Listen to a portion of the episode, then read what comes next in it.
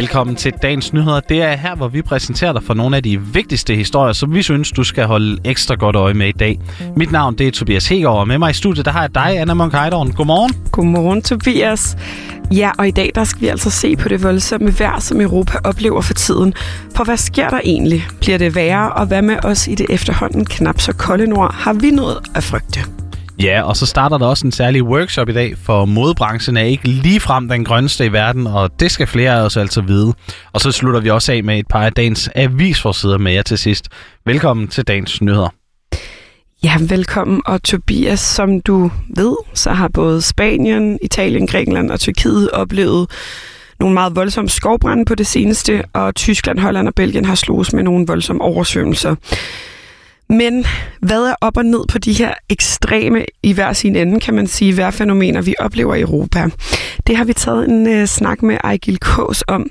Han er professor i is, klima og geofysik ved Niels Bohr Instituttet på Københavns Universitet, og så er han videnskabelig leder af National Center for Klimaforskning ved DMI.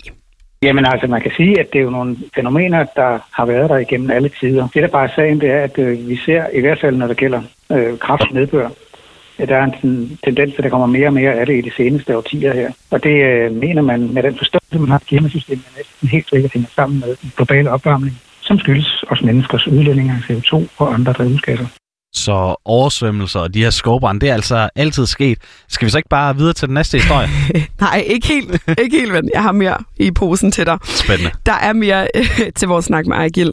Fordi det, han fik sagt under et mindre udfald i øh, forbindelsen her, det er, at det er altid sket, men at hyppigheden af de voldsomme vejrfænomener er opadgående.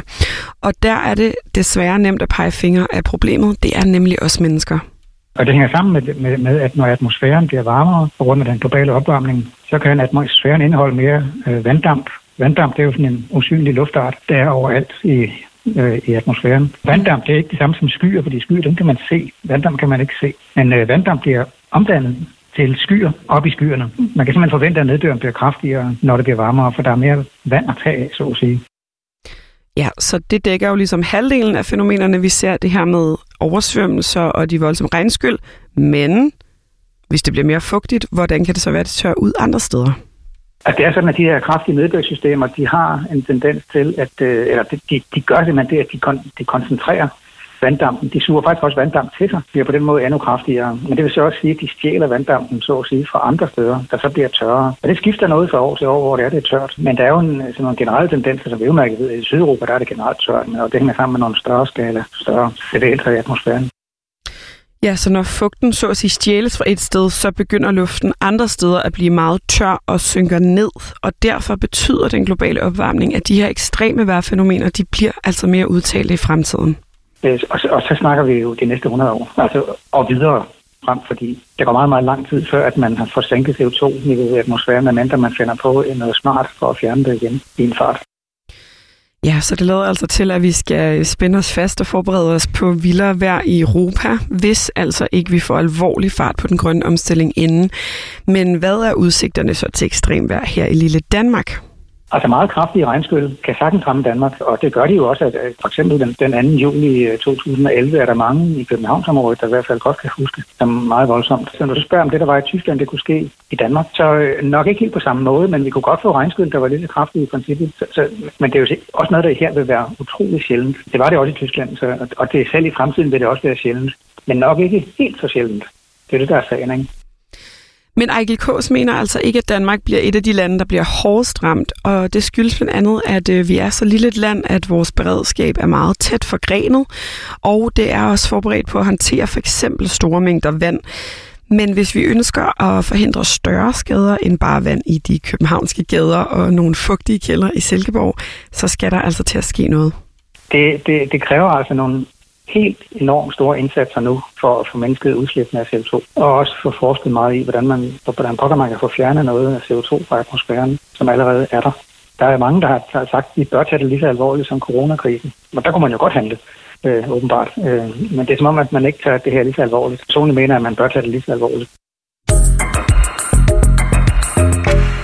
Og så skal vi faktisk videre til den næste historie, men det er ikke så langt væk, som man måske skulle tro.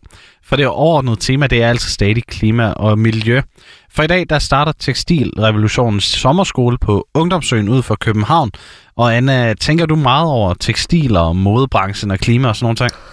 Jeg tænker, t- altså, tiltale mere over det. Øhm, jeg prøver meget at købe genbrug og vintage, øhm, og, og prøver at undgå fast fashion, indtil mm. Zalando selvfølgelig har et stort udsalg, ikke? så glemmer man desværre lidt sine ja. principper det er der også andre, der gør ikke det her med de gode tilbud, men øh, måske det her med at tænke over, hvad det er, man køber. Og det gør de også hos Tekstilrevolutionen, der altså holder den her sommerlejr. Og vi har snakket med projektleder Maria Mustelin til lige at gøre os lidt skarpere på, hvad de er for en størrelse.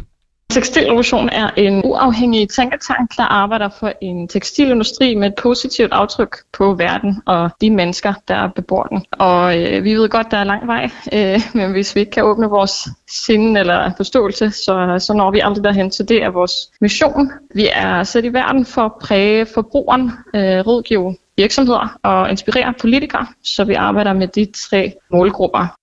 Og det er altså den ene af de tre målskoler, som sommerskolen handler om, nemlig forbrugerne. Og nærmere bestemt altså unge forbrugere mellem 18 og 30, for det er netop dem, der er en dybere mening med det er den, øh, ja, den unge generation, som øh, enten allerede læser noget inden for tekstil, eller bare blot har interesse for tekstilindustrien, blive klogere på den. Vi har vel, valgt at, øh, at uddanne de unge, fordi vi netop tror på, at den unge generation har motivation og interessen for at tage det videre, og at det er dem, der kommer til at arbejde i industrien fremover. Så det giver rigtig, rigtig god mening at øh, gøre dem klogere og planen det er så, at de unge som forandringsagenter vil sprede deres viden fra sommerskolen som ringe i vandet til deres venner og bekendte. Men hvad er det så egentlig for en viden, de skal sprede? Først og fremmest så er tanken øh, bag sommerskolen, at jo flere vi kan få til at øh, forstå kompleksiteten af tekstilindustrien, jo større impact kan vi have. Øhm, og vi vil rigtig gerne lave en, øh, en bottom-up tilgang. Det er sådan præmissen for sommerskolen, og øh, helt konkret så kommer vi til at have øh, nogle øh, mennesker, øh, eksperter, der skal holde øh, masterclasses og talks øh, omkring materialer, sourcing, øh, arbejdsforhold, greenwashing, forretningsmodeller, genanvendelse etc. Så det kommer hver fra sit miljø øh, med et forskelligt perspektiv på, på industrien og skal uddanne den unge generation om, hvordan man kan producere mindre, mere ansvarligt og forstå, hvordan det hænger sammen. Men Tobias, hvorfor er de her ting vigtige at vide? Altså, hvad, hvad er de grundlæggende problemer med tekstilindustrien? Det er faktisk et rigtig godt spørgsmål, Anna. Det har vi også spurgt Marie om. Ja, det er et rigtig godt spørgsmål, og det er nemlig fordi, at øh, for det første så øh, forurener den jo totalt meget tekstilindustrien. Det ved vi godt, og der er kæmpe fokus på det nu. Øh, det har det ikke været i nok tid, synes vi. Og det, der er brug for, det er simpelthen, at øh, forretningsmodeller forandres, fordi den måde, vi opererer, producerer på, det er dårligt for miljøet og klima og menneskerne, der arbejder i industrien. Så handler det rigtig meget om at skrue ned produktionen, fordi vi ikke har brug for så meget tøj der findes. Så det her med at kalde øh, tekstil bæredygtigt, det, det, det kan vi ikke. Øh, men man kan godt skabe nogle systemer, der er mere bæredygtige, nogle forretningsmodeller, der er mere bæredygtige. Og der handler det simpelthen om at producere tøj, der holder længere, fordi det udskyder produktionen af nye fibre. Så vi kan tale om bæredygtige systemer og bæredygtige forretningsmodeller, men øh, selve tekstile kan, kan vi ikke sige er bæredygtigt.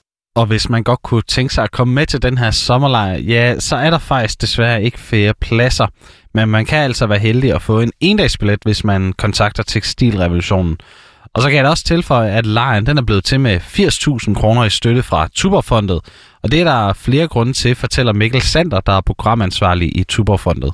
Jamen, vi har valgt at støtte sommerskolen der, øh, fordi det er nogle unge, som øh, går sammen med nogle andre unge om, øh, og, øh, om at engagere øh, unge i, i den grønne omstilling. Så det er sådan den, den korte forklaring. De øh, tøjproduktioner jo har en, en meget stor miljøpåvirkning, både når det handler om CO2 og vandforbrug og kemiforbrug og sådan noget.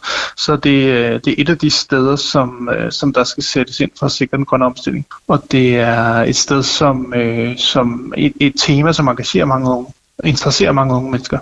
Og grunden til, at det er relevant viden, det er altså, at Tuberfondet har drømmepuljen, hvis krav til at støtte med penge er, at det, man søger penge til, det er for unge og af unge. Og så er der mulighed for op til 100.000 kroner i støtte.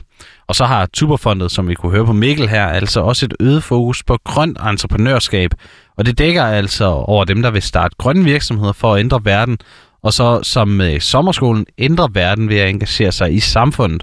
Og når der er en, en frivillig organisation, som Tekstilrevolutionen er, så kan man sige, så kommer de jo rigtig langt for, øh, for, for 80.000 kroner. Og vi håber jo også, at de unge, som, som deltager i den her sommerskole, så rækker ud til deres venner og bekendte og andre unge, og, og for dem engageret også i et grøn omstilling, så det har sådan en ringe i vandet effekt.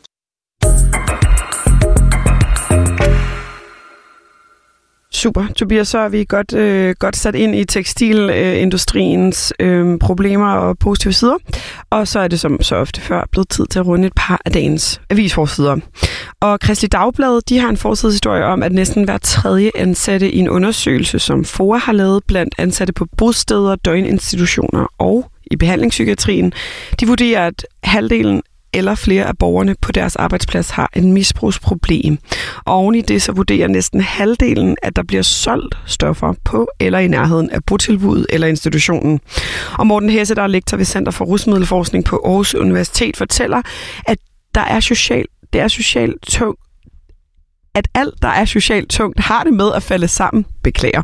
Og at man kun svært kan komme problemet til livs, og det får FOA til at efterlyse, at øh, regionerne fremover skal behandle misbrug og psykisk sygdom, og ikke som nu kommunerne, der skal stå for behandling af misbrug.